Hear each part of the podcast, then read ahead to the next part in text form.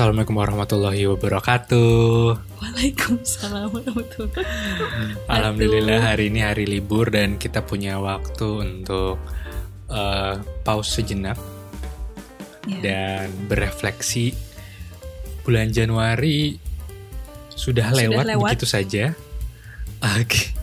Kita mau uh, berhenti sejenak untuk merekam nih gimana nih bulan Januari so far. Tapi di Apa saat yang terjadi di ya apa yang terjadi di bulan Januari? awal tahun 2022? ada satu momen di awal tahun yang mungkin aku pengen uh, ceritain lagi. Kita di awal tahun di 1 Januari itu sempat merayakan tahun baru di Like Earth. Sukabumi. ya, jadi ada satu tempat di Sukabumi namanya adalah Our Land Tanah kita. tanah kita. nah, jadi tanah kita itu semacam kayak camping ground, eh, camping manja sih, basically. Dia Eh, campingnya nggak camping-camping banget gitu karena fasilitasnya sebenarnya bisa cuma tempat tidurnya aja yang camping. Iya. Tapi sebenarnya sebenarnya fasilitasnya bintang 5 lah ya. Ya, lah. Kita we've never experienced that kind of camping experience before sih. Jadi eh, menurut kami sih campingnya udah wow banget. Tuh di Mungkin sebelum ke kesimpulan kita ceritain dari awal kali ya. Hmm. Ini langsung kesimpulan. Oh langsung dari kesimpulan. Ya itu adalah momen bagiku dan mungkin bagi Jenny juga. Itu adalah highlight di bulan Januari, kayak awal tahun. Aku lupa deh kenapa kita eh, memilih itu gitu. Itu impulsif idea kah? Kayaknya kemarin impulsif aja ya. Tiba-tiba kita nggak tahu mau. Hmm, enggak kamu tiba-tiba kayak kita ketawa kita yuk gitu. Iya Kayak, sih. ya, Kayak yuk. kayak kayaknya gue insecure dengan semua orang punya agenda. Oh enggak, tahun sebelumnya baru. kita itu mau nginep bareng Rizka. Oh iya, nginep Nah. bareng Rizka. Rizka ngajakin nginep, Hmm. tapi hotel-hotel di Jakarta udah pada full. Iya dan emang kita hamin hamin dua apa hamin, Hamin satu ya? dua, ya Hamin dua Ya, baru tahun baru tuh itu. Rizka ngajakin ngumpul di hotel, tapi pada full. Terus ada sih beberapa yang nggak full, cuma out of our budget sih, gitu kayak 4 juta semalam. Ya, mm-mm. Terus kayak, uh, out of our budget banget nih. terus akhirnya Untuk satu Rizka malam. nggak jadi ya. Hmm, kita nggak jadi. Kita tetap ajakin Rizka dengan our plan untuk menghirup udara bersih, udara segar, Iya, iya. more greeneries. Mm-mm. gitu. Tapi kayaknya eh, Rizka lagi sibuk waktu itu ya. Jadi cuma kita berdua. Soalnya kita tuh bukan malam tahun baru, jadinya kita tuh eh apa sih? Ya bukan malam Mal- tahun baru iya. ya. Tapi Kita, jadinya tuh eh, udah tahun baru. basian gitu. tahun baru. Iya, basian tahun baru. Karena waktu itu aku expect ini sih. eh, mungkin jalanan udah agak lengang gitu. Orang-orang Ya, masih udah pada istirahat, Ya, kita masih- baru jalan gitu ya ya. masih pada tidur gitu kan habis semalaman begadang kita baru jalan pagi-pagi gitu itu sih yang ku expect dan ternyata seperti itu gitu. nggak Hmm. terlalu macet pas berangkatnya Iya. mm. Mm-mm. Dan kita juga naik angkutan umum sih. ya a we lack of research sih kayak kita cuma cari cari cari di blog orang thank you banget nih ada orang yang nulis gimana perjalanan mereka ke tanah kita dari Jakarta menggunakan public transportation gitu tapi sebenarnya waktu kita cek di websitenya juga Dia juga udah ngasih Iya. cara untuk ke tanah kita dengan berbagai macam alternatif. alternatif moda transportasi dan menurut kita juga cukup clear gitu ya Uh, dan itu membuat kita tidak ragu tapi kita sebenarnya berharap bisa naik kereta gitu ya dari Dari uh, Bogor, Bogor, ke, ke, Sukabumi. Tapi pas kita uh, sudah di di Bogor mau ke Sukabumi, ternyata kita baru tahu kalau keretanya itu sudah jalurnya Belum- ditutup sejak awal tahun belum dioperasiin lagi. 2021 dan belum dioperasiin kembali gitu. Jadi terpaksa kita naik uh, moda transportasi apa aja, ngeteng gitu, travel. De- itu um, untung kita adalah dua makhluk pemberani ya. Jadi waduh. Tuh eh, mungkin satu-satu kali ya kita Iya, kita mungkin kita sebelum jelasin dari sebelum ke sana. Iya, sebelum ke sana. Iya. Nanti uh, ingetin, aku akan cerita tentang bagaimana kita bersikap teguh pada pendirian saat ditawarin ojek dengan diketakut-takutin. Wah ini mah di ujung jalanannya. Wah ini jauh gitu. Tapi kita tetap teguh. Tidak, kita akan tetap menggunakan public transportation. Iya sih. Ya. Ntar, ntar, ntar ingetin kita akan bahas itu. Nah awal mula nih. Jadi kita berangkat. Kita berangkat itu setelah subuh. Setelah subuh ya sekitar jam 6 Iya. ya atau jam setengah tujuh deh kayaknya. Mm, klasik dalam rencana kita adalah kita berharap bisa lebih pagi daripada itu sih. Iya. Cuma kan awalnya ada- tuh jam 5 mau naik kereta, Iya. tapi ya ada banyak drama lah ya Iya dalam banyak drama dalam rumah tangga kami tuh. Ya Allah banyak drama rumah tangga kami. sehingga Sehingga berangkatnya jadi lebih, lebih lama. Ya, tempat berantem berantem dulu lah gitu. Iya, heeh. Ya, Itu kita eh, sebenarnya kita bisa mempersingkat waktu eh, di perjalanan asalkan tidak ada drama itu. Hmm. Jadi sebenarnya kan kalau naik kereta menuju Bogor itu bisa dari Cawang ya lebih deket ya. Nah, dan langsung ke Bogor gitu. langsung ya. ke Bogor ya Cawang langsung ke Bogor rutenya. Nah ini Tapi karena kita ada, miskomunikasi dan agak gengsi untuk berbagi Iya. informasi dan berdiskusi. ada yang mengarahkan ke Jatinegara. negara aku kayak ke Jatinegara gitu aku yang langsung udah booking Jatinegara gitu tanpa uh, ko- koordinasi Dengan anak kereta yang satu ini Hmm, gitu. pas kita di Jatinegara ternyata kita dilempar lagi Harus dulu ke, ke Cawang Manggarai. eh Manggarai ya Iya, Manggarai dulu. ya Manggarai dari Manggarai baru ada Iya, kereta jadi kita langsung kayak dari Bogor Dua kali naik kereta, padahal sebenarnya kita bisa lebih cepat tuh kalau langsung dari Hmm. Cawang. Nah untuk for your information ini kalau kereta sih lumayan terjangkau ya, Aff- affordable. Kita menghabiskan enam ribu rupiah. Aku bayarnya pakai uh, link aja. Tuh, aku baru tahu loh ternyata link aja tuh gimana ya? Ini bukan di endorse link aja, tapi gue agak surprise ternyata cara bayarnya tuh bukan kayak di scan QR gitu beb, tapi, di goyang-goyangkan gitu sampai dia nanti muncul uh, kayak uh, QR pembayaran dari handphone kamu dan itu yang di scan di gate kereta kayak Oh. mm, lo baru tahu itu dikasih tahu sama petugas uh, stasiunnya sih kayak oh tinggal digoyang-goyangkan gitu Oh iya, iya, aku juga baru tahu sih kan aku belum pernah menggunakan link aja. kamu pakai tab ya Hmm, aku pakai tap Hmm, biasanya. kamu banyak saldonya sih tabnya Iya, iya. ya kita naik 6000 terus di hari itu hari apa sih hari sen, Sa- minggu Sab- Itu pokoknya tanggal 1 Januari. 1 Januari itu hari apa ya? Sabtu ya kalau nggak salah ya hari Sabtu Sabtu deh kayaknya. ya dan kereta menuju Bogor tuh lengang walaupun lengang Tapi kita nggak bisa duduk di Iya. awalnya. Jadi kayak kita expect-nya adalah kita bisa duduk. Ternyata tidak juga. Jadi kita baru bisa duduk tuh soalnya agak aneh sih setelah kayak dibikin berjarak gitu kursinya tapi uh, orang berdiri tuh nggak berjarak gitu Oh iya iya. Hmm. jadi itu membuat kita nggak bisa duduk karena emang Iya sebenarnya itu bisa berjarak. duduk Iya. kalau kalau nggak ada ini ya jaga jarak di tempat duduknya. Mm-mm. Tapi so far sih eh, menyenangkan pengalamanku naik kereta ke Bogor. Tuh lengang nggak des- nggak desak-desakan walaupun agak pegel aja sih berdiri. Dan suasana hatiku udah mulai baik tuh di situ karena udah mulai damai udah mulai rekonsiliasi dengan kamu. Kan kita damai di mana sih? Di stasiun di ya? Manggarai. Manggarai ya kita baru damai ya kayak ayo damai gitu. Karena perjalanan ini tuh tidak akan menyenangkan, kalau kalau kita sama-sama masih menyimpan bara amarah. Gue sih gak ada barang gua sih bara amarah dalam dada gua. Jadi kayak gua butuh di, di dipadamkan dengan satu pelukan. Hmm, pas dipeluk tuh kayak ah udah luruh baranya apaan dah? Iya terus udah mulai ceria lagi udah mulai di sini senang di sana senang. Udah mulai bernyanyi hatiku. Tadi sebelum waktu kita sebelum balik kan amarah nene tiada gitu. Soundtrack di batinku seperti itu. Oke deh, terus habis itu udah sampai di Bogor, sampai di Bogor. Kita Clueless. clueless juga nggak karena tahu kita harus ke mana karena Iya. dikasih tahu sama si stasiun eh petugas di stasiunnya bahwa kereta dari stasiun Bogor ke Sukabumi itu ditutup Kita Iya. clueless, nggak tahu. Sebenarnya kita udah tahu karena di di tiket kereta itu juga nggak udah nggak disediakan, tapi nggak Iya. ada.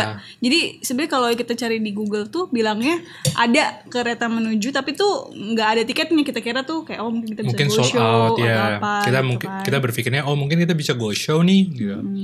Tapi ternyata no show. no show. iya ternyata no show. Nggak ada show, nggak ada show. Heeh, jadi ya udah, Iya. akhirnya kita sempetin nyari makan dulu. Soto mie Bogor di depan stasiun. Rasanya sih lumayan lah ya. Ya, mm, makan soto mie Bogor di Bogor. Bogor, Ya. ya. Soto tuh eh, agak ini nih, agak agak menarik karena ketika kita makan ternyata kita adalah customer pertama di pagi hari itu gitu. Si orang yang Iya. ngomong yes penglaris gitu. Mm-mm. Ya, begitu. Jadi aku merasa berjasa sih hari itu. Wow. Tapi kadang emang gitu tau, misalnya tuh kayak ada ada area yang eh, dia itu tuh kosong. Nah terus habis itu begitu ada yang datang, tuh jadi eh, beneran banyak yang datang.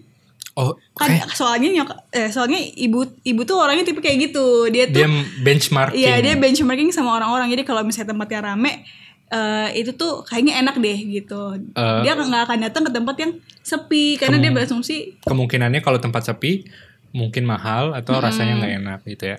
Iya, jadi sebenarnya konsep penglaris pas datang saat tokonya masih sepi itu kayaknya beneran sih. Atau karena kita semua itu punya mental kayak bebek. Ngikut. Kan bebek gitu tuh. Kayak mem- bebek paling depan tuh belok kanan, bebek yang belakang tuh ikut belok kanan. Kayak ya udah Nggak ngikutin aja. bebek. Aku nggak pernah pelihara, aku pernah pelihara bebek soalnya dan aku Oh, mempelajari ternyata bebek itu yang perlu kamu kontrol yang barisan paling depan. Gitu. oh, Ketika barisan depan depannya belok kanan, ya bebek yang belakang juga akan ikut ke kanan. oke oke. Mm. Oke, kita bebek sama cinta leader. bebek. Jadi pada pagi hari itu kita adalah bebek leader, bebek iya, paling bebek depan, leader.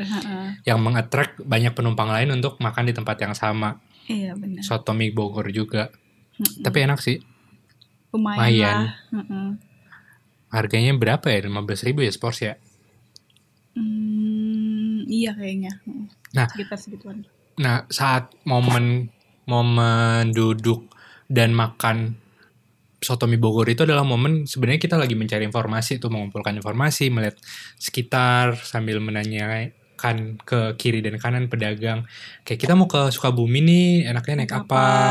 terus eh, dari mana gitu ya Mm-mm. jadi sebenarnya pepatah eh malu bertanya sesat di jalan itu benar adanya saat itu kayak aku Kayak- nggak malu bertanya aku bertanya pada orang yang tepat agar Oh, tidak iya, sesat di iya. jalan Ya benar benar. Mm-mm. Heeh.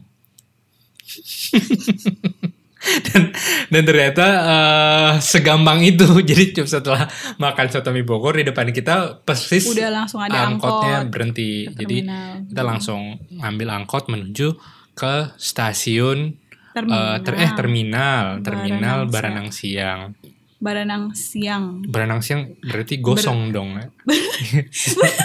Emang Baranang tuh berenang. nggak tahu sih aku Oh. mau Baranang Siang aduh Untuk yang pendengar orang Sunda mungkin bisa bisa Mengklarifikasi. mengklarifikasi. Soalnya kalau baranang siang tuh udah panas. Gosong, enaknya baranang pagi. Ya udah terus kita ke sana naik angkot itu lumayan Lumayan desak-desakan sih. iya iya iya Iya. Terus aku dari sepanjang perjalanan ke Baranang Siang tuh aku melihat ternyata di dekat apa sih itu Taman Bo- Taman Bogor ya yang kita kayak botanical iya kayak rute angkotnya tuh kayak memutar gitu, memuterin oh sesuatu lokasi itu Buat yang Istana Bogor gitu. itu ya? Eh, itu Istana Bogor yang di atau nggak tahu taman-taman gitu deh pokoknya. ya ada yang buat jogging orang-orang Buat jogging ya Hmm. banyak makanan, ada orang olahraga juga jogging. Aku jadi berpikir kayak wow, aku mungkin bisa nanti ketika badanku udah mulai fit, kayaknya aku mau ngetes half marathon di kenapa sana deh. Gitu. kenapa harus nunggu badannya Ya sekarang kan aku 5 kilo udah mas udah Oh, pengen pingsan tuh. Eh, kan gradually, incrementally udah mulai bisa menambah kilometer-kilometer dalam berlari. Ya nggak lucu dong kalau misalnya udah hmm, sorry ini agak kita cut dulu ya mati lampu nih tiba-tiba. Jadi setiap setengah sepuluh ini rumah kami otomatis mati. Aku ingin. Iya, coba tolong dinyalain dulu. Oke Google. Nah, lampunya sekarang udah nyala. Kita kembali lagi. Ya, nanti temenin ya. Kalau misalnya aku udah merasa sanggup untuk berlari half maraton lah, half maraton, mungkin aku akan coba berlari di eh, Bogor. Karena Boleh. adem, rasanya adem. Kemarin juga ada yang kita ketemu orang naik eh bawa sepeda dari kereta, terus dia lanjut lagi naik sepeda di Bogor. Iya. Sepertinya menarik ya untuk itu kita bisa bisa jadwalkan sebagai agenda week, weekend getaway kita. Oke lanjut lagi tadi kita Lanjut sudah lagi. sampai nih ceritanya di terminal Baranangsia. Mm-mm. Terus abis itu jadi tuh kita jadi tuh dari kejauhan sebenarnya gue udah lihat tuh ada eh, elf-elf gitu ya, elf-elf gitu yang eh, udah ada tulisan tuh suka bumi. Oke. Nah terus gue kayak yang itu kali itu yang itu terus kayak ah, enggak enggak enggak, itu yang terminal itu cari dong yang yang bagus yang yang bagus yang bes- besar. Iya, dia Gitu. aku mengekspektasi itu Sukabumi tuh naik bus besar, naik. Iya, yang Jadi kayak bagus gitu ya. aku tidak percaya ketika kamu menunjukkan bahwa uh, kita harus ke sana di tempat elf-elf. Karena aku membayangkan kita akan menjadi ikan sarden di dalam situ akan sangat berdesak-desakan. Jadi kayak ah kita cari bus-bus aja gitu. Ternyata emang nggak ada pilihannya. Emang salah satu satunya pilihan untuk ke Sukabumi adalah naik elf itu. Iya, jadi tidak ada opsi bis besar. Mungkin nanti para juragan-juragan angkot bisa Iya. ya. Dan mungkin nggak usah sekarang-sekarang ya Omikron lagi merebak. Gue yakin kalau ada yang Omikron tuh satu di bus itu semuanya langsung pulangnya positif sih. Itu beneran beneran wow. Jarak antara satu penumpang dengan penumpang lain tuh emang ben Tiada jarak di antara kita. Merapat skin semua. to skin, skin to skin itu kayak ba- ba- tiba-tiba eh, turun dari elf itu kayak aku merasa ada ikatan batin dengan orang penumpang itu karena selama perjalanan kita skin to skin nempel. Kayak ibu dan anak baru, Baru ini lahir ya. baru lahiran. Ya Allah nempel banget sih dan tapi karena mungkin elfnya agak panjang jadi kaki nggak terlalu pegel rasanya sih. Iya, heeh. terus juga lumayan sih, maksudnya nggak nggak terlalu pegel sih. Cuman ya emang dempetan aja sih. Nah tapi kita tuh mengakalinya, kalau aku sih pilih yang pojok paling belakang. Jadi kalau misalnya kalau ada orang mau keluar, itu nggak terganggu gitu. Jadi kita pilih eh, posisi yang paling private Iya pak. Hebat, benar. alias pojok. Mm-mm. Gitu. Tapi- Tapi, ada insiden. Iya, Baru insiden sebelum masuk. berangkat.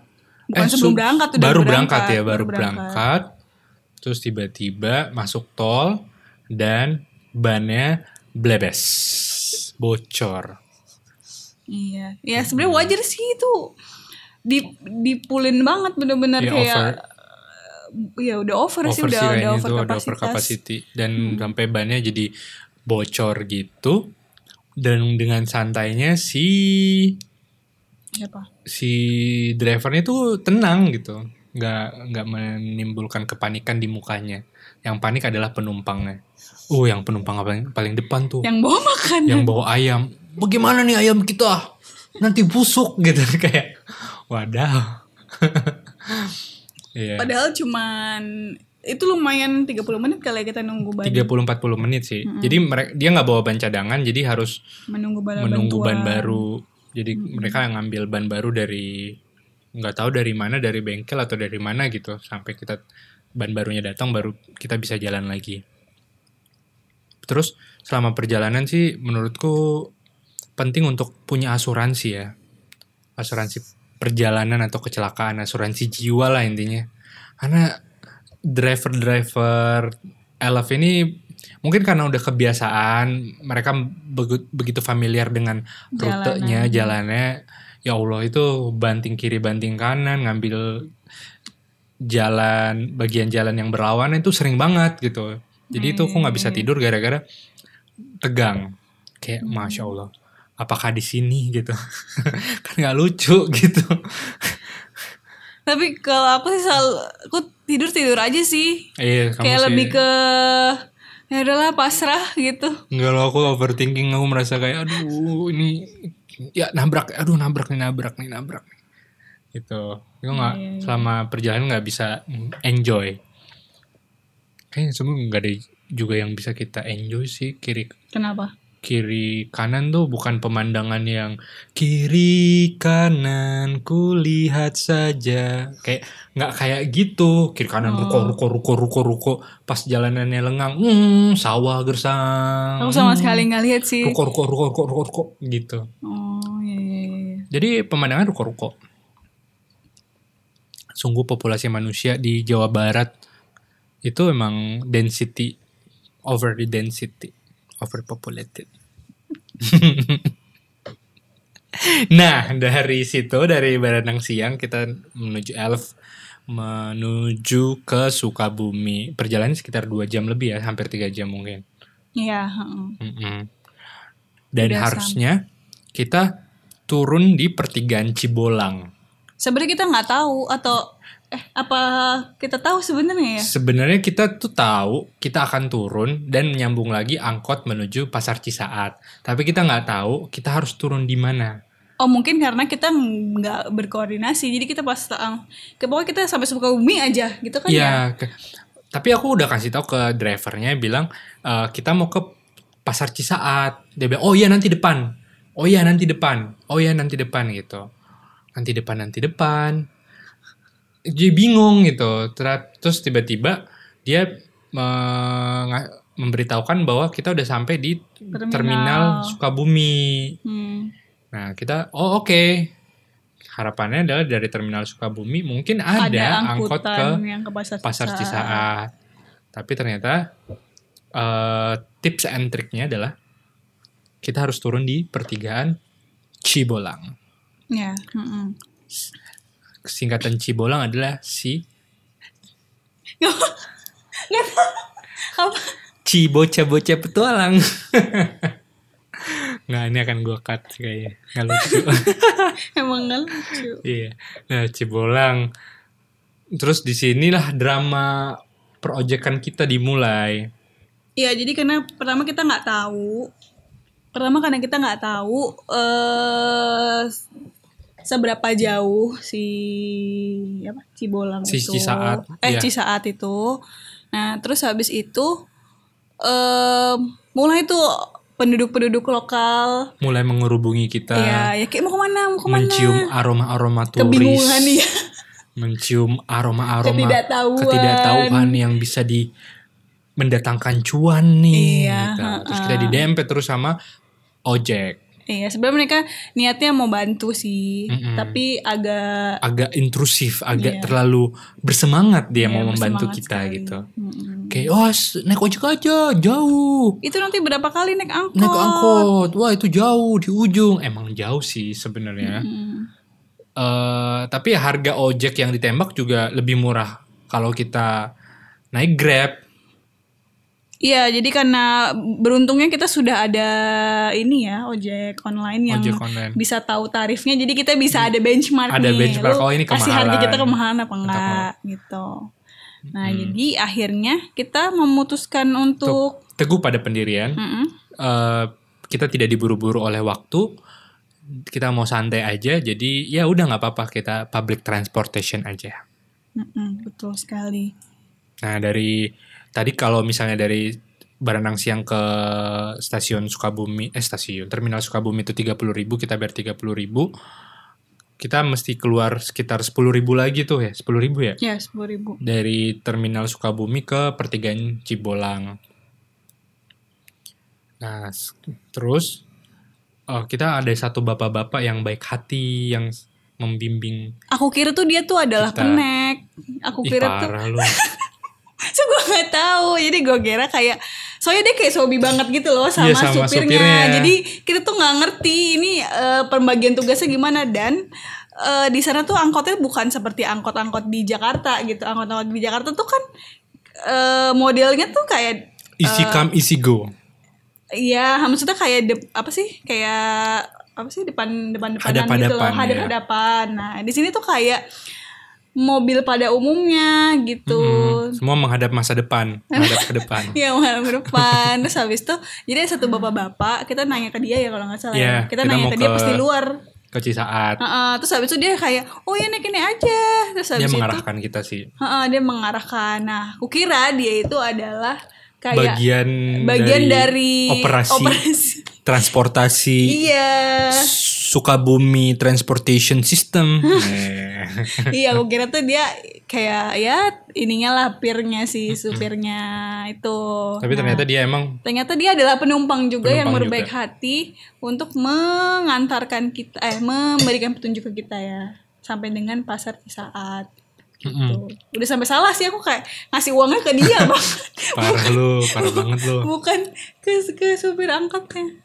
Mm-mm. Terus Tapi dia, nggak ini sih, tidak tersinggung atau apa kayak. iya. Terus sampai di di Cibolang, gua kira kita bakal dilepasin aja gitu. Hmm. Oh, di- cuma dikasih petunjuk kok naik mob- mobil ini ke Cisaat. Tapi tidak. Dia mengawal kita juga. Jadi Sam- naik, jadi naik angkot juga naik kan. angkot juga ke pasar Cisaat, tapi dia kayak mau turun ke di rumah sakit gitu. Hmm. Terus, tapi sebelum dia turun dia mau wanti-wanti kayak kalian terus aja nanti di pasar Cisaat eh, setelah belok kiri ada polsek terus nanti turun di situ aja gitu. Iya iya. Nah dia Terus dia juga udah pesenin, dia udah ada pesan ini ke, ke abang, abang angkotnya. angkotnya ya. Kayak ini nanti turun di sini ya gitu. Dia, Dia baik banget sih. menitipkan kita. Aku lupa namanya siapa tapi bapak-bapak yang murah senyum tapi agak terbata-bata dalam berkata itu terima kasih banyak. Iya. Kita nggak sempat kenalan sih soalnya it was so fast kayak koordinasinya berjalan begitu cepat. Mm-mm. Nah dari situ kita bayar cuma bayar 5000 dari pertigaan Cibolang ke pasar Cisaat naik angkot. Nah dari Cisaat, Pasar Cisaat kita naik angkot lagi. naik angkot lagi ini angkot warna merah. merah. Nah sebenarnya kalau kita naik eh, kereta kita langsung turun di pasar, Pasar Cisaat. Cisaat. Karena Tapi kita dari pasar. Cisaat itu bisa lihat stasiun. Cuma itu lagi ditutup. Nah dari Cisaat ini baru kita eh, menuju ke Kadu Dampit ya. Nama daerahnya si tanah kita ini naik angkot warna merah. Itu bayarnya sepuluh ribu 10.000 per orang. per orang. Lumayan sih, lumayan jauh Iya. dari situ. Terus atas banget, bener-bener atas udah sampai daerah apa tuh namanya? Taman Nasional Gunung Gede Pangrango. Iya, Gede Pangrango. Mm-mm.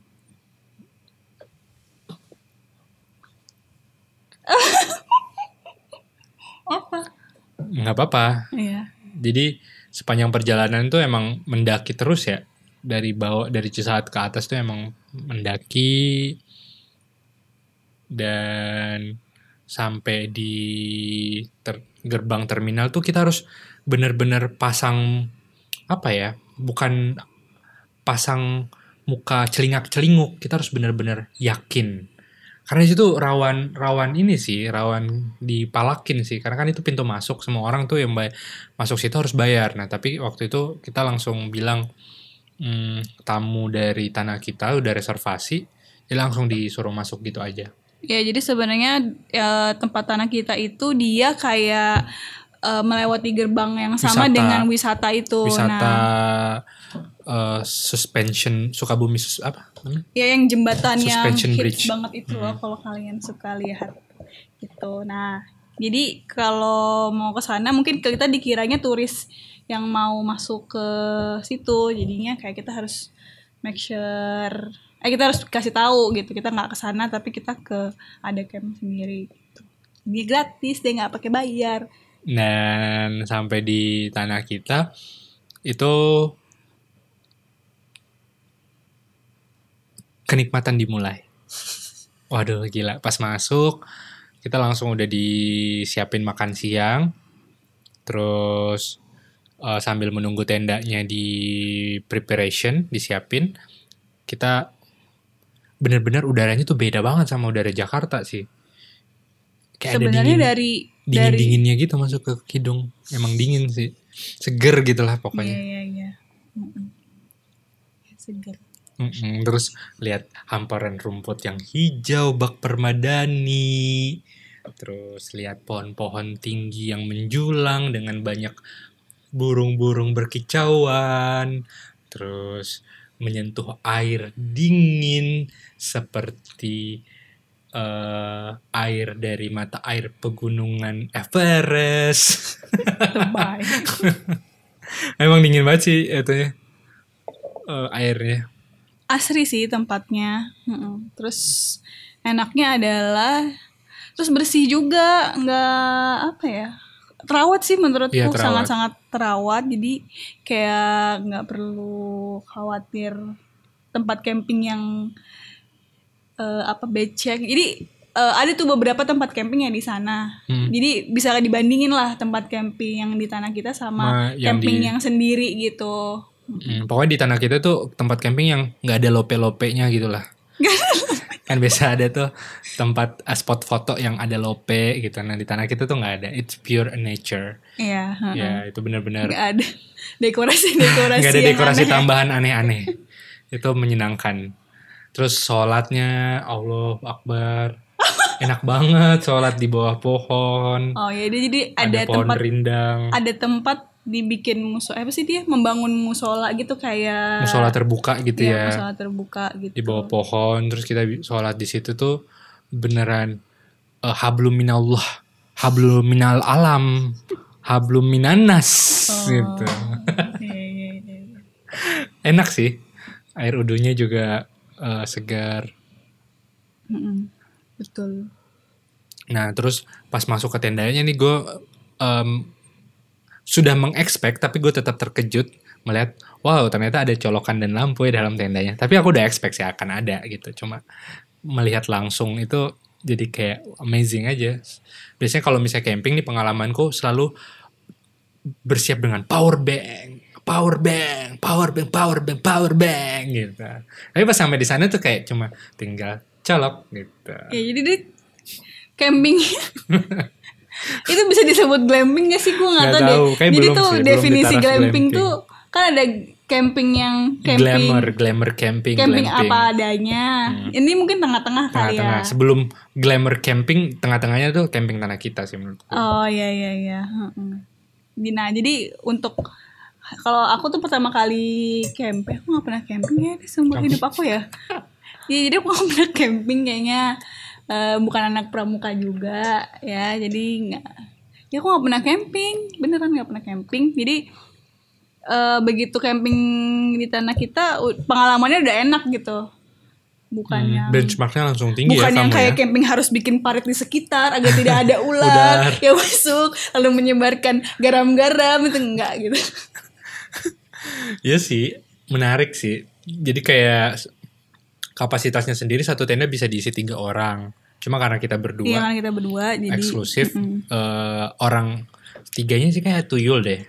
Astagfirullahaladzim enak aja lu. kagak sih kita tetap berdua tetap nggak diisi satu stranger tiba-tiba masuk ke tenda kita juga nggak. Berdua terus tapi ada tiga kasur tetap ada tiga kasur ya nggak apa-apa juga sih bonus gitu ya. Mm-mm. terus bantalnya sih oke ya nggak empuk-empuk banget Eh, at least nggak bau gitu Iya. Kasurnya? Sama em magicnya dia nggak ada nyamuk ya. Aku merasa nggak ada nyamuk sih. oh iya sih Untuk ukuran di Eh, luar ya. iya nggak ada nyamuk mungkin karena badan kita tidak mengandung amonia kali waktu itu kan nyamuk ter akan ter terpanggil ketika badan kita mengeluarkan amonia alias keringat mungkin badan kita tidak berkeringat waktu itu karena dingin jadi kita tidak berkeringat jadi kita tidak di hinggapi nyamuk Gak tahu sih. Tapi nggak, eh, pokoknya intinya nggak ada nggak ada nyamuk yang yang nyiung Iya, nyiung itu- nyiung juga nggak ada. nggak ada itu sih gue terganggu walaupun gak digigit nyamuk tapi ada suara anjir itu tuh mengganggu mengganggu mengganggu ketenangan batinku tapi nggak ada Tapi nggak ada. Jadi kita cukup nyaman tidurnya. Mm. cuma pas malam tuh agak terganggu dari suara bising eh, villa-villa sekitar kan di situ di lokasinya banyak villa-villa juga kayak ada orang berkaraoke sampai tengah malam dengan suara sumbang Gue gak tau villa tuh sebenarnya tetangga kita ya. Eh, kayaknya villa sih Oh villa ya. villa-villa sebelah kan aku ngecek tetangga kita nggak ada yang bawa sampai sound system sound system gitu heboh gitu nggak ada Oh. tapi itu suaranya kayak suara sound system gitu loh Hmm. mungkin kayak villa seberang terbawa angin suaranya ke kita Bawa angin. kan su- suara Oh merambat iya iya nih, iya. Oh, benar-benar. Aduh. udara Masa? kan terbawa angin Iya benar. iya itu itu agak agak terganggu tapi minor kayak tidak menjadi fokus utamaku juga sih kayak dengar sekilas sekilas doang Mm-mm.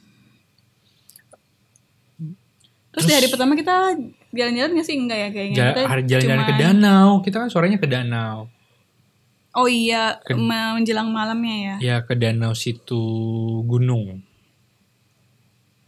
tapi itu lebih baik tidak sana sih aku merasa buang-buang tenaga doang danaunya mm, eh, gimana ya Jadi kita kira itu danaunya tuh yang danau aku sih lebih expect danaunya tuh kayak yang bisa menghadirkan suasana danau dan kesendirianku gitu. yang maksudnya eh, tenang gitu, cuma ada Oh, danau, iya, iya. lihat danau. Ternyata sampai di sana tuh, wow, om, eh, ojek, ojek, ojek, ojek, ojek, ojek, banyak banget tukang ojek yang menawari kita naik ojek. Karena menuju ke sana itu emang kayak eh, apa? Turunan dan Naik turun, pulang naik turun ya, sih. pulangnya tuh pendakian panjang gitu ojek-ojek penjual sarimi indomie penyewaan tikar terus muda-mudi anak-anak Ada family kapal. keluarga banyak banget jadi hmm, namanya tempat wisata ya, apa Iya sih namanya kayak tempat gitu wisata ya. sih. Tapi kayak di gambar-gambar tuh uh, danau dan keheningan gitu. Jadi aku ekspektasi pas nyampe ke danau itu adalah keheningan dan danau yang ku nikmatin. Gitu. No. No. iya. Aku menikmati bebek-bebek terbalik, Mm-mm. menikmati um, orang-orang yang eh eh, foto foto foto foto foto foto. Gitu. Banyak sih yang aku nikmatin di sana. Ojek ojek ojek. Aku tidak mau menjudge eh, turis-turis ya. Tapi ya Karena itu ya Emang realita, taste- realita ta- tempat ya, wisata seperti tempat itu. wisata ya emang pada umumnya seperti itu gitu Iya. ya hiburannya warga-warga lokal ya ya kebanyakan sih foto Mm-mm. jadi dibandingkan menikmati alamnya mereka lebih berkumpul. foto Iya, eh, mengabadikan iya, momen ya. Cuman Seperti minusnya itu. doang sih kayak masih banyak sampah-sampah sama bebek kebalik. Kayak itu dulu Ya Allah, ada bebek usaha ada usaha bebek deh kayaknya bebek apa sih yang di kayu-kayu bebek-bebek itu. kayu-kayu gitu terus mungkin Cuman mungkin udah kena ombak kali ya sampai bebeknya kebalik. Jadi kalau waktu kita datang tuh ada kayak bebek kebalik tuh nggak diapa-apain gitu. Di situ aja bebek kebalik di tengah danau. terdampar. Terdampar bebek kebalik. Kayak, Oh bilang ada restoran di tengah danau. Iya aku lihat dari YouTube ada restoran tengah danau, tapi karena kita datang udah malam gitu, aku juga udah males karena eh tidak menemukan keheningan dan danau. Iya, jadi iya. kayak ya udahlah aku malah cari tahu, aku pengen pulang aja langsung. Iya udah, nah kita kita ke sana tuh udah mau maghrib. Terus habis itu kita balik juga eh pas maghrib ya kita balik ya. Mm-mm. Mm-mm. Terus oh, udah deh nggak ngapa-ngapain juga sih di sana. Cuma Iya. melihat kayak oh ini danau. Danau. Terus habis itu ya udah kita balik Mm-mm. gitu. Ya, seru sih mungkin kalau acara keluarga kali ya di situ bakar-bakar ikan, melihat danau mungkin seru. Tapi karena intensi kita bukan seperti itu, jadi kayak nggak terlalu menarik waktu itu. Terus malamnya kita me- disaji menonton pertandingan final Indonesia Thailand di tanah kita. Terus kayak karena sinyalnya kurang bagus agak sempat putus-putus tuh tapi nggak apa-apa karena kita juga nggak terlalu suka bola ya jadi kayak ah nggak apa-apa dah Soalnya- putus-putus juga nggak apa-apa Soalnya apa namanya? Kalau berdasarkan prediksi amang-amang di sana bilangnya ini, katanya kita pasti kalah. Amang-amang, Eh, mang-mang. mang-mang. Oh. Ya emang bukan pasti kalah sih. Untuk menang tuh sangat sangat susah gitu. Karena kan kita ketinggalan gol Oh iya, uh, agregat gol yang jauh banget. Jadi mm, menonton leg kedua final Indonesia Thailand tuh cuma semacam kayak hiburan. Ya, Tapi udah sadar diri nggak akan menang gitu. ya, begitu deh. Nah, dan makan malamnya enak banget sih. Itu kita mm, ikan bakar, dikasih ikan bakar. Terus eh Terus ada api sambal unggun, enak, api ada api unggun, api unggun, ada orang gitar-gitaran juga. Ada orang bernyanyi-nyanyi dengan merdu. Tapi hujan ya abis itu ya. Iya. Hujan. Nah, itu magicnya lagi pas hujan, tendanya tuh nggak kehujanan. Eh, tendanya kehujanan tapi nggak nggak Gimana ya? Nggak magic rembes, nggak rembes, Nggak bocor nggak bocor ya. Jadi di- kita di dalam tetap dry, tetap Hmm. kering, tetap nyaman, walaupun di luar hujan. Pengalaman hari pertama oke, Dari oke banget sih. 10 eh, 9 lah ya, Iya. menyenangkan sekali. Di hari kedua. Di hari Nah, kedua, di hari aku kedua starstruck tuh sama ada satu artis. Di hari kedua tuh- Oh iya. yang bawa iya. anak. Kayak dia salah satu presenternya Vice gitu dan aku merasa kayak anjir, aku kenal nih orang nih, kenal nih gitu. Tapi kayak ya Juanda Bing Juanda, ya gue diemin aja sih gue nggak nggak Oh, iya, iya, nggak iya. nggak gimana gimana juga. Tapi kayak aku kelanjutan sendiri kayak aku kenal tuh, kenal tuh, kenal tuh ini Instagramnya gitu. Ya kalau saya nggak tahu ya. artis luar negeri juga saya nggak tahu Dia bukan ya. artis sih, dia lebih kayak seniman gitu. Ah ya, ya intinya artis luar negeri yang orang-orang tahu aja gue nggak tahu gitu ya. Mohon maaf, apalagi yang Indonesia kadang lebih nggak tahu lagi. Ya, yang indie-indie ya apalagi ya. Mm.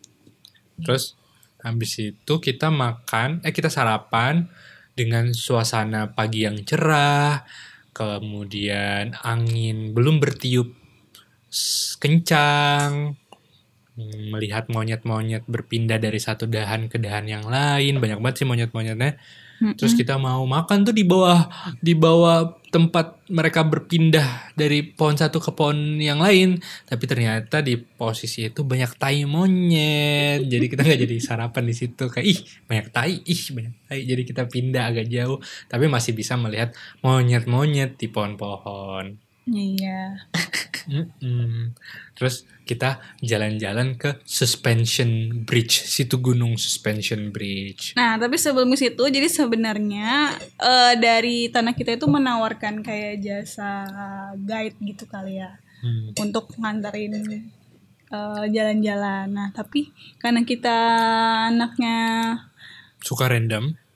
iya suka random, terus habis itu kayak mungkin nggak enak gitu kali ya kayak di antara kita berdua tuh ada orang lain lagi gitu Ya, kayak nggak- aduh nggak nggak merasa nggak private gitu ya. eh, merasa nggak private walaupun mungkin kayak kita juga nggak ngapa-ngapain. Iya tapi nggak nggak enak gitu kalau merasa ada yang nungguin gitu kan. Iya, jadi, jadi kayak kita mencoba mandiri. ya mencoba mandi alias juga hemat juga sih kayaknya. nggak perlu ngasih tip. Ah, terus kita ke situ gunung suspension bridge. Ini pas baru masuk kita masih kayak eh formalitas peduli lindungi cekek cekek scan selesai dan Situ mulailah ada jalur-jalur. perkastaan ini dimulai. Jadi ada jalur hijau, kuning dan merah. Kita Kalau ambil jalur. hijau tuh berapa ya? 100 102 eh 200 ribu itu ya dapat sarapan terus diantarin mobil VIP lah intinya Ya Dan jalurnya paling nggak pendek. nggak nggak capek lah nggak capek.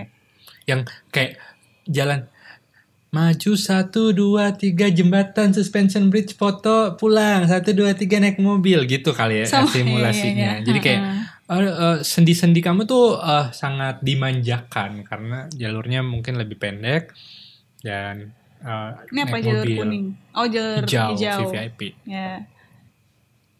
terus ada jalur kuning itu bayarnya lebih murah daripada jalur VIP Tapi dan ada jalur kaki merah juga. Kalau yang kuning itu dia jalan kaki juga, cuman dia Ada bilang sih ya jalannya lebih pendek. sama dia ini bisa ke Permadani ada spot Permadani Jembatan Permadani merah, apa sih? keranjang-keranjang. Iya keranjang Sultan, Jembat- keranjang sultan. Apaan sih kita kayak apaan sih? Terus aku cuma bilang ya kita mau olahraga yang jalur terjauh gitu. Ternyata Iya. jalur uh, paling hemat adalah jalur merah ya. Tapi sebenarnya jalur merah menurutku nggak nggak ini sih, Nggak terlalu uh, nggak capek-capek banget gitu. tapi emang nggak family friendly sih menurutku ya karena Iya. agak panjang cuy jalurnya. Oh, iya. nggak terlalu family friendly sih. Kayak family friendly tuh hmm, kuning. Kalau jalur hijau tuh kalau kamu bawa lansia sih, yang Oh, VVIP iya, yang mungkin ya. tetap ingin bersama tapi jalurnya pendek terus naik mobil ya itu jalur hijau. Cuma agak lebih mahal memang. Nah kasta kita di kasta merah Power Rangers yang paling jago. Kapten Gak tahu. Power Rangers merah. Nah, terus kita jalan-jalan. Aku somehow impress sih bagaimana mereka memanage uh, tempat wisata itu gitu. Kayak dibikin jalur-jalur, terus uh, ada semacam entertainment-entertainment kecil sambil kita sarapan. Itu loh, Oh iya, jadi yang si flying aki-aki.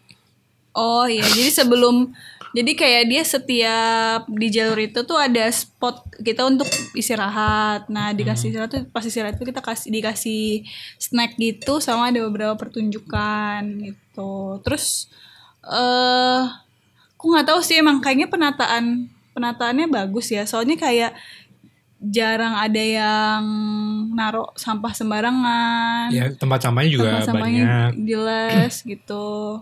Terus eh, kamar mandinya juga banyak dan clear terkait informasinya. Sama sepanjang perjalanan juga kita diberikan edukasi terkait pohon, jenis-jenis pohon, nama pohon, Hmm. nama flora dan fauna. Seru sih. Betul. Hmm, cuma gue agak deg-degan pas udah sampai di jembatannya. Kayak yakin nih gitu. Itu tinggi banget coy.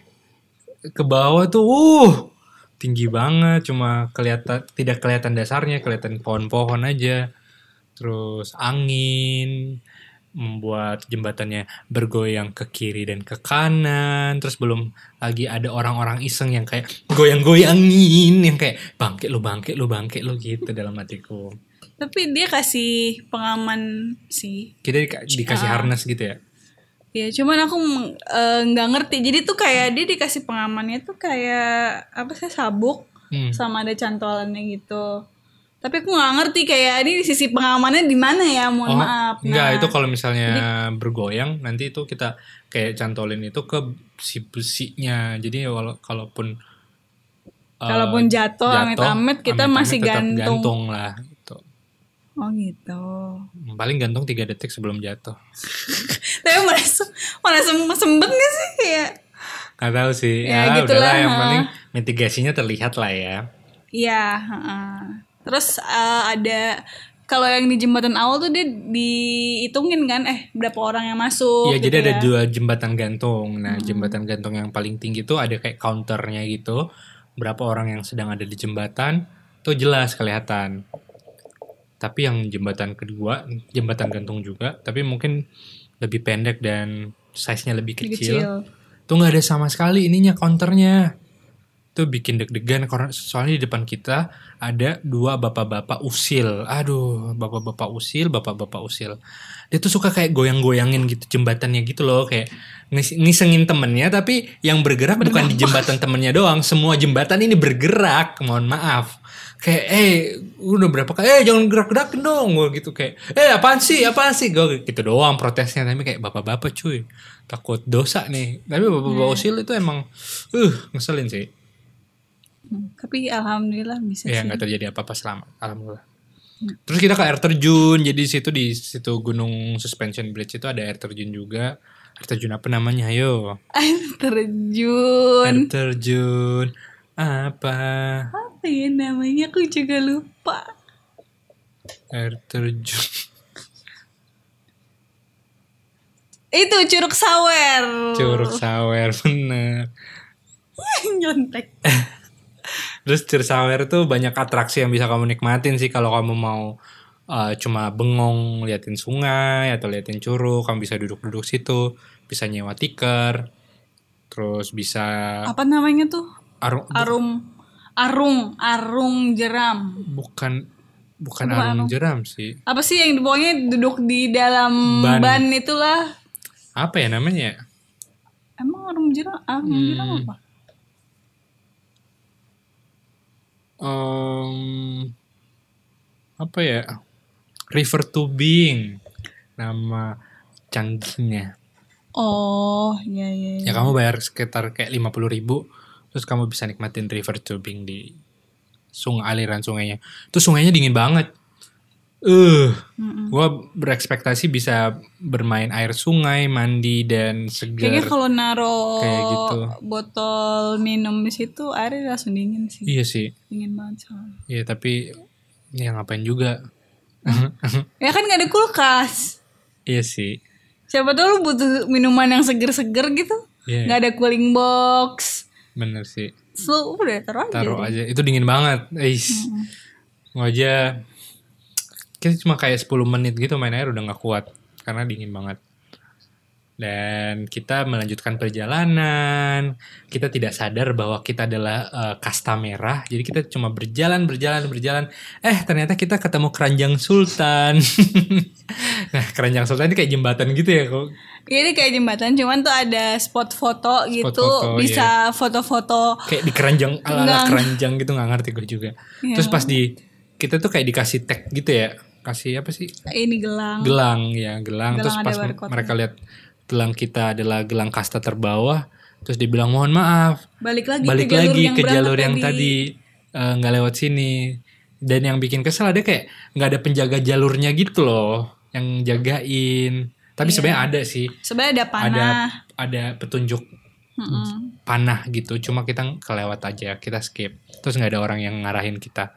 Iya, jadi ya udah kita melewati Balik lagi. itu, balik lagi. ke rute yang sama. Tapi nggak terlalu jauh-jauh juga sih. Kayak kita cuma jalan sambil ngobrol, jalan sambil ngobrol, jalan sambil ngobrol. Eh tiba-tiba sampai. Iya, Iya. benar sampai. Udah sampai. Eh aus.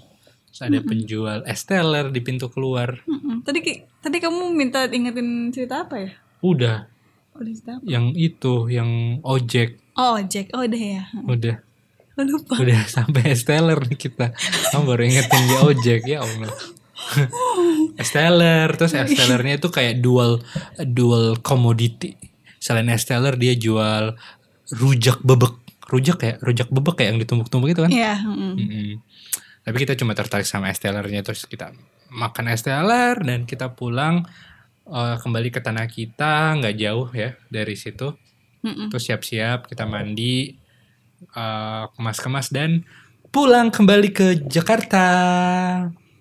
Iya. Oh, itu cuma satu hari ya di sana ya? Iya, padahal sebenarnya kita pengen itu berhari-hari.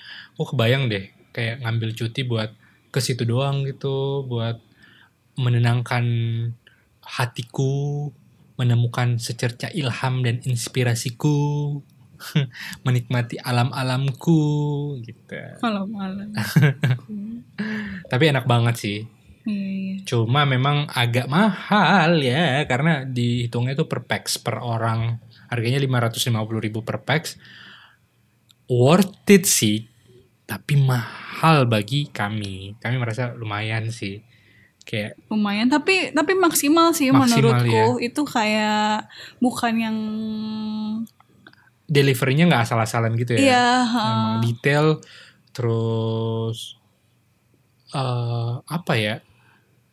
Eh, emang niat aja gitu servisnya kita dikasih snack-snack juga di sore harinya banyak deh hal-hal yang menyenangkan di tanah kita dan mudah-mudahan bisa kembali lagi membawa keluarga besar ke sana tapi keluarga besar kita boncos juga ya pak mending kita aja berdua agak lama gitu nggak usah keluarga besar keluarga besar mah cukup hotel ibis yang deket-deket sini yang tiga ratus ribu nggak deng keluarga besar yang terbaik lah Iya, parah Mm, lu. parah. Gila. Parah.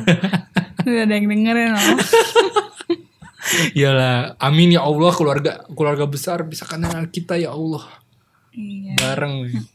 biar nanti tapi itu tempatnya emang bisa buat bikin reuni juga sih kayak lapangannya luas. Cocok banget sih buat reuni reuni gitu.